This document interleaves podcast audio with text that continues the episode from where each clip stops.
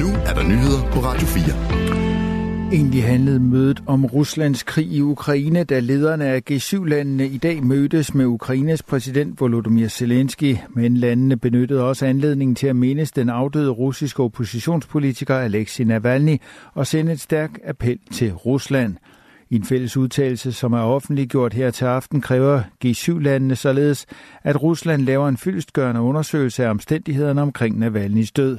Han offrede sit liv, men han kæmpede mod Kremls korruption og for fri, frie og retfærdige valg i Rusland. Vi beder den russiske regering om udførligt at afklare omstændighederne omkring hans død, skriver G7-sammenslutningen.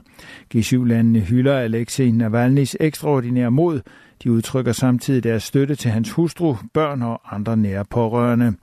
Navalny døde, mens han afsonede en overlang fængselsstraf i en straffekoloni i det nordlige Rusland. Fængselsmyndighederne oplyste 16. februar, at han pludselig var afgået ved døden. G7-landene beder den russiske regering om at løslade alle indsatte, der tilbageholdes med urette. Desuden skal Ruslands regering stoppe med at forfølge politiske modstandere og systematisk undertrykke russernes rettigheder, skriver G7. G7 består af Kanada, Frankrig, Italien, Japan, Storbritannien, Tyskland og USA. En regulær miljøkatastrofe har ramt det Røde Hav, hvor et fragtskib er begyndt at lægge olie efter at være blevet angrebet af Houthi-bevægelsen, sådan lyder advarslen fra det amerikanske militærs centralkommando CENTCOM. Olien er forløbig blevet spredt over 29 km. Fragtskibet Ruby Mar blev angrebet 18. februar og har siden ligget for anker i det Røde Hav. På skibet er mere end 41.000 ton gødning, der ligesom olien risikerer at løbe ud i havet. Skibet har ifølge Sendkom fået alvorlige skader. Efter angrebet hævdede Houthi-bevægelsen, at skibet var så alvorligt beskadiget, at det var i overhængende risiko for at synke. Skibet sejler under Belises flag, men er registreret i Storbritannien. Både Italien og Kanada har med nye aftaler forpligtet sig til at bidrage til ukraineres sikkerhed de kommende 10 år. Den italienske premierminister Giorgia Meloni og Ukraines præsident Volodymyr Zelensky har således underskrevet en sikkerhedsaftale i den ukrainske hovedstad Kiev.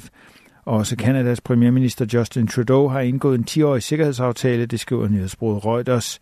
Georgia Meloni og Justin Trudeau er på besøg i Kiev i anledning af toårsdagen for Ruslands invasion af Ukraine.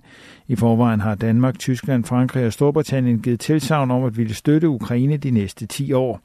Det danske sikkerhedstilsavn omfatter donation af F-16 kampfly, genopbyggelse af byen Mykolaiv og reformarbejde i Ukraine. Dokumentarfilm Dahomey vinder Guldbjørnen prisen for bedste film ved den internationale filmfestival i Berlin, også kendt som Berlinalen. Dermed blev det altså ikke til en gylden bjørn til den danske thriller Vogter, som var nomineret i samme kategori. Personerne bag Dahomey har modtaget prisen ved en prisoverrækkelse i Berlinale Palast her til aften. Blandt dem er fransk-senegalesiske Marti Diop, som både har skrevet og instrueret filmen. Hun er også blandt filmens producerer.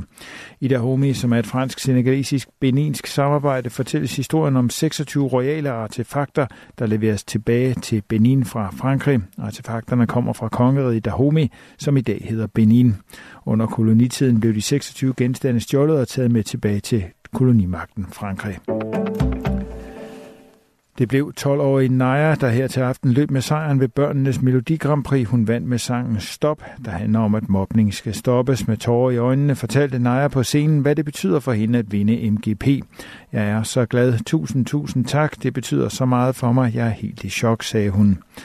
Hun tilføjede, at hun faktisk allerede inden sejren havde følt sig som en vinder, fordi hun havde fået lov til at optræde ved MGP. Hun forsøgte nemlig også at komme med i 2023. Her gik hun dog ikke videre efter sin audition. MGP-trofæet fik Naja overragt af sidste års vinder Sofia, som vandt MGP 2023 med sangen Det er bare tanker. I aften og i nat mest skyde med spredte byer, der lokalt kan være med havl. Temperaturer mellem 1 og 5 graders varme og svag til jævn vind omkring syd med kysterne stedvis frisk vind. I morgen søndag får vi overvejende skydevejr med spredte byer, der kan være med havl. På Bornholm dog tørt med nogen eller en del sol. Vi får temperaturer i morgen op mellem 4 og 8 grader, og vinden bliver let til frisk fra syd og sydøst. Det var nyhederne på Radio 4. De blev læst og redigeret af Thomas Sand. Du kan finde flere nyheder på vores hjemmeside radio4.dk eller i vores app.